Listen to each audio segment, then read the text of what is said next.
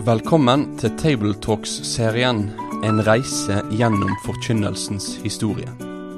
Programmet er utarbeidet av Egil Sjåstad i samarbeid med Asbjørn Kvalbein og Sunniva Fuglestveit, og vært publisert av den kristne ressurssida foross.no.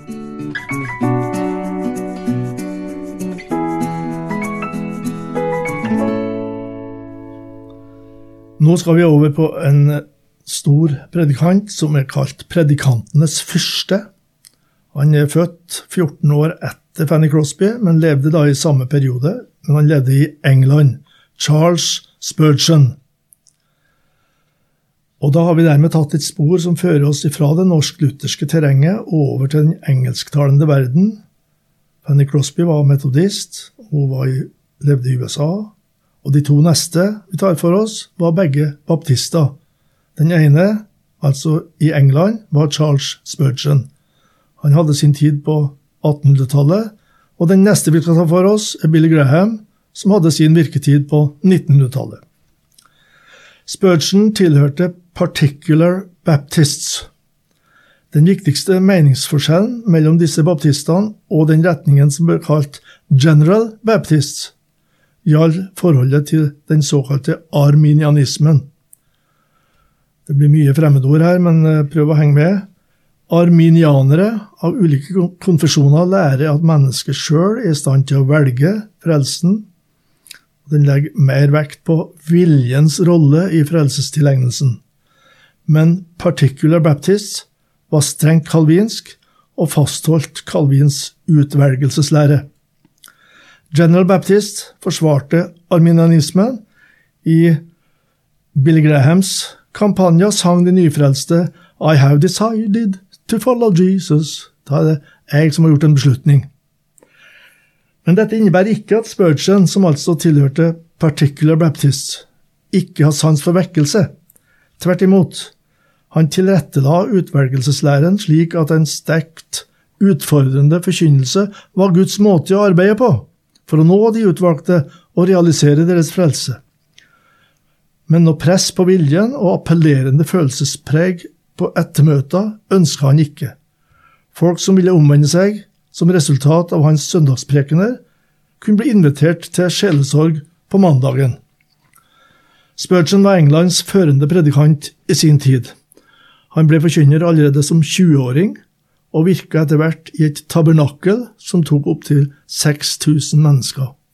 Det er for øvrig veldig mange forkynnere i historien som har starta som 20-åringer. Spurgeon skrev alle sine taler, men hadde alltid bare med seg noen punkter opp på prekestolen. Det var stenografer som skrev talene hans ned underveis, og så gjennomgikk Spurgeon dem etterpå med tanke på rask skriftlig publisering. Hans ukentlige taler ble solgt for en penny, og ble en av tidenes mest solgte prekenserier. I sin første tale i tabernaklet sa han følgende.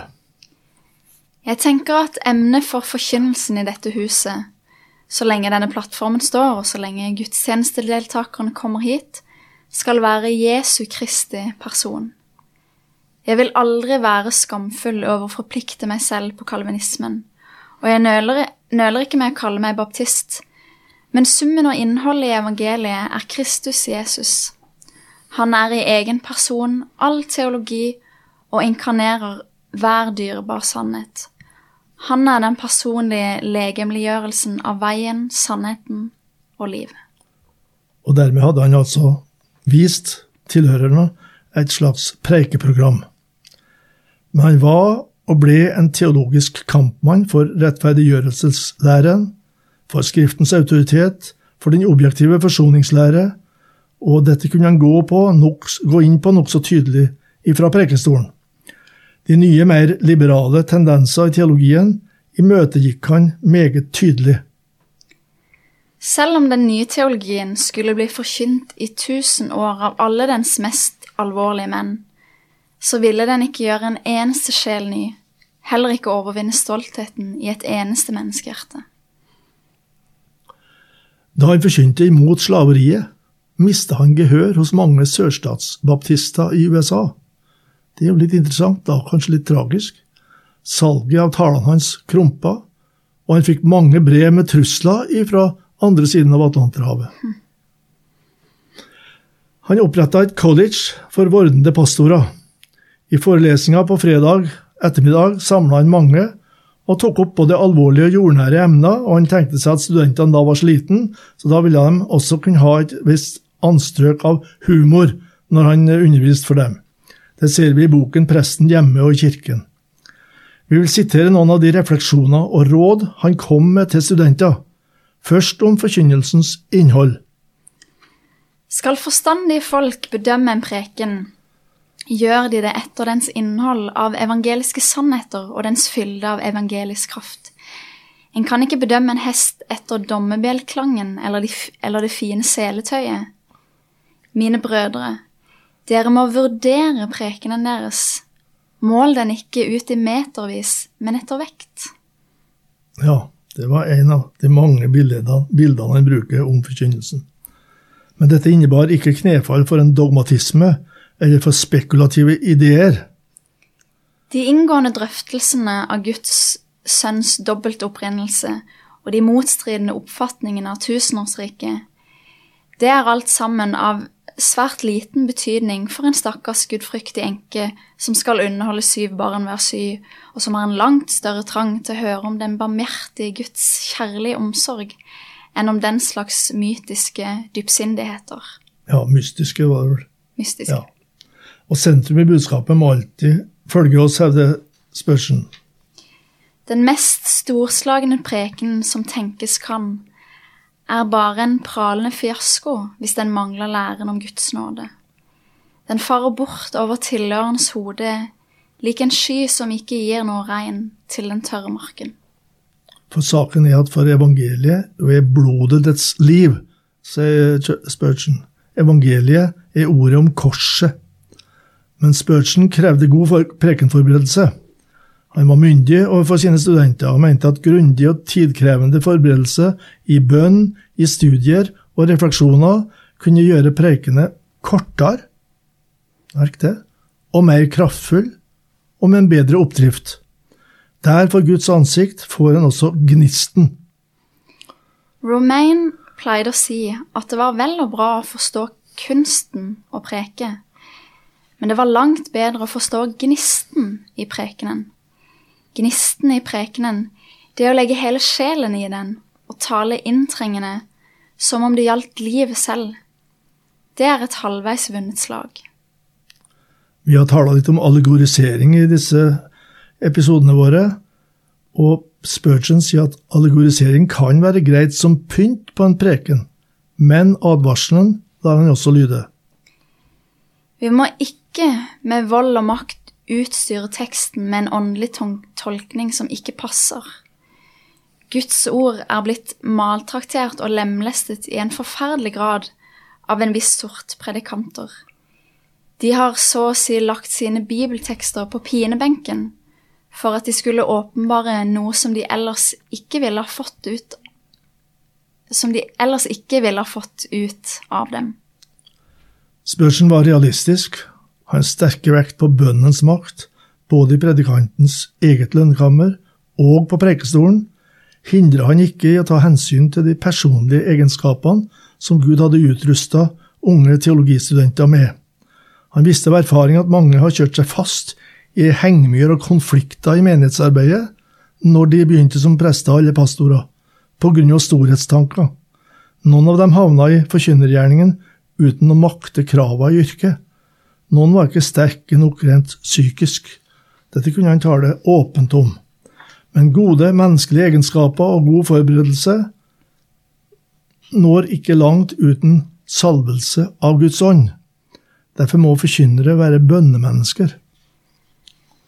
Den store velsignelsen som bønnen i enerom bringer med seg, er noe ubeskrivelig. Det føles som et himmelsk dugg, et guddommelig nærvær, hvis karakter dere straks vil oppfatte når jeg kaller det en salvelse av Den hellige. Hva er så dette? Jeg undres på hvor lenge vi skal trenge å legge våre hoder i bløt før vi fant ord for å klargjøre hva det egentlig menes med å preke med salvelse. til tross for at predikanten selv har det klart for seg. Og tilhøreren vil straks savne det hvis det mangler. Spurgeon, som sjøl var den mest veltalende av alle i England i samtida, med en billedbruk som noen gang kan overkjøre oss, han la stor vekt på å forkynne med åndskraft. Dyktiggjør dere i veltalenhet. Dyrk alle kunnskapens felter. Dere kan ikke være bekjente av mindre i en slik tjeneste. Men husk imidlertid at ikke ved noe makt og ikke ved kraft blir menneskene gjenfødt eller helliget, men ved min ånd, sier Herren. Zakaria 4,6. Ikke alle forkynnere i samtiden har økonomi til å skaffe seg flust av bøker. Det er noe vi nesten blir overraska over når vi leser Spurgeon, det han sier til studentene. Det gjelder om å ha gode bøker som du kan lese om igjen og om igjen. Og de må tåle å bli lest om igjen og om igjen. Så god må de være. Men sjøl uten bøker kan en lære atskillig, bare en holder øynene åpne. Dagens hendelser, begivenheter som finner sted rett for nesen på oss, avisnotiser, dagligdagse samtaleemner, alt sammen aukens kunnskaper og teft for livet. Ha åpne sanser både i møte med mennesker og i møte med naturen, dere som skal bli forkynnere. Skulle en ikke kunne lære av naturen? Akt på liljene på marken, Matteus 6,28, og ta lærdom av rosene. Det er ikke nødvendig å gå på jakt etter maur, akkurat, for hver levende skapning byr seg fram som et læreobjekt. Orkanen har sin egen stemme, og prekener glitrer i morgenes dugg på gresset. Tekstutleggelser kan du gripe i flukten som det tørre løvet som daler fra trærne. Skogen skjuler et bibliotek, og kornåkeren et bind i filosofi. Du som har øyne, gå ut og plukk visdom overalt hvor du kommer. Ja, Spurgeon ga sine prester det rådet å være mye sammen med vanlige folk. De må ikke mure seg inn som eneboere, sa han. Men ett annet forhold er like viktig å registrere sitt eget indre liv, og sitt eget indre liv sånn som det reagerer på Gudsordet. Et studium av deres eget hjerte er viktig for dere, som skal våke over sjelene til andre. De menneskelige selverfaringene skulle utgjøre det laboratorium hvor en prøver de medisiner som er bestemt for andre. Ja, selv deres egne mangler og feiltagelser kan tjene til belæring når de bæres fram for Herren. Mennesker, mennesker helt uten synd ville være ute av stand til å sympatisere med sine ufullkomne medsøsken. Studer Guds ledelse med hensyn til deres egen sjel, så skal dere få større innsikt i hans vei med andre. Jeg syns det var eh, noe som var litt fint med dette sitatet her av Spurgeon, og jeg tror han har et For meg så syns jeg han har et viktig poeng, dette med at eh, våre feil og mangler kan tjene til belæring når det bæres fram for Herren. For Bibelen er jo eh, en stor fortelling og et vitnesbyrd om syndige og ufullkomne mennesker som Gud har brukt, og som Gud har utrusta. Um, og det handler på en måte verken um, om at jeg kan bli fullkommen i meg sjøl, men om at det er Jesus som tar på seg mitt ufullkomne, og som gir meg sitt fullkomne. Og når jeg liksom tenker tilbake på, um, på mitt liv, så er mange av de talene som har betydd aller mest for meg i mitt liv, de menneskene som viste seg svake og små og utilstrekkelige og ufullkomne når de sto på talerstolen.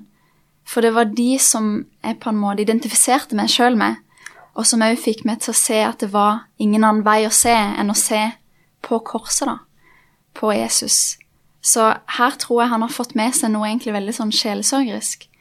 Eh, og det at, eh, at mennesket uten synd vil da ikke være i stand til å, til å sympatisere med de som en taler for, da. Mm. Det var veldig fint, Sunniva. Og nå skal vi helt til slutt nevne et forhold som mange forkynnere har erfart, nemlig the surprise power. Kraften i det å overraske tilhøreren. Overraske tilhøreren med f.eks. å si noe fra en helt ny synsvinkel. Eller komme med et sitat som ryster dem, uten dermed å imponere dem.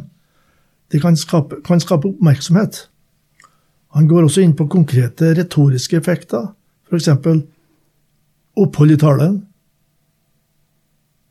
Den som skaper en åndeløs stillhet. Si ikke hva enhver venter dere skal si. Kjør ikke setningen fram i ett og samme hjulspor. Så lenge kvernhjulene surrer, sover mølleren. Men stopper det, en, stopper det hele av en eller annen grunn, så farer den gode mann opp og skriker, hva er det nå som er galt? Ja, og her får vi avslutte vårt opphold hos predikantenes fyrste. Han makta altså å sammenholde dette sterke synet på og erfaringen av Guds ord, og det å ta i bruk alle slags erfaringer og opplevelser som han hadde i møte med livet, mm. og ta det med på prekestolen. Takk for at du har vært med på denne reisa gjennom forkynnelsens historie. Vil du lese mer om temaet? Da kan du kontakte oss på postalfakrøllfoross.no for å bestille denne serien i bokform. Besøk òg gjerne foross.no for å finne flere aktuelle ressurser.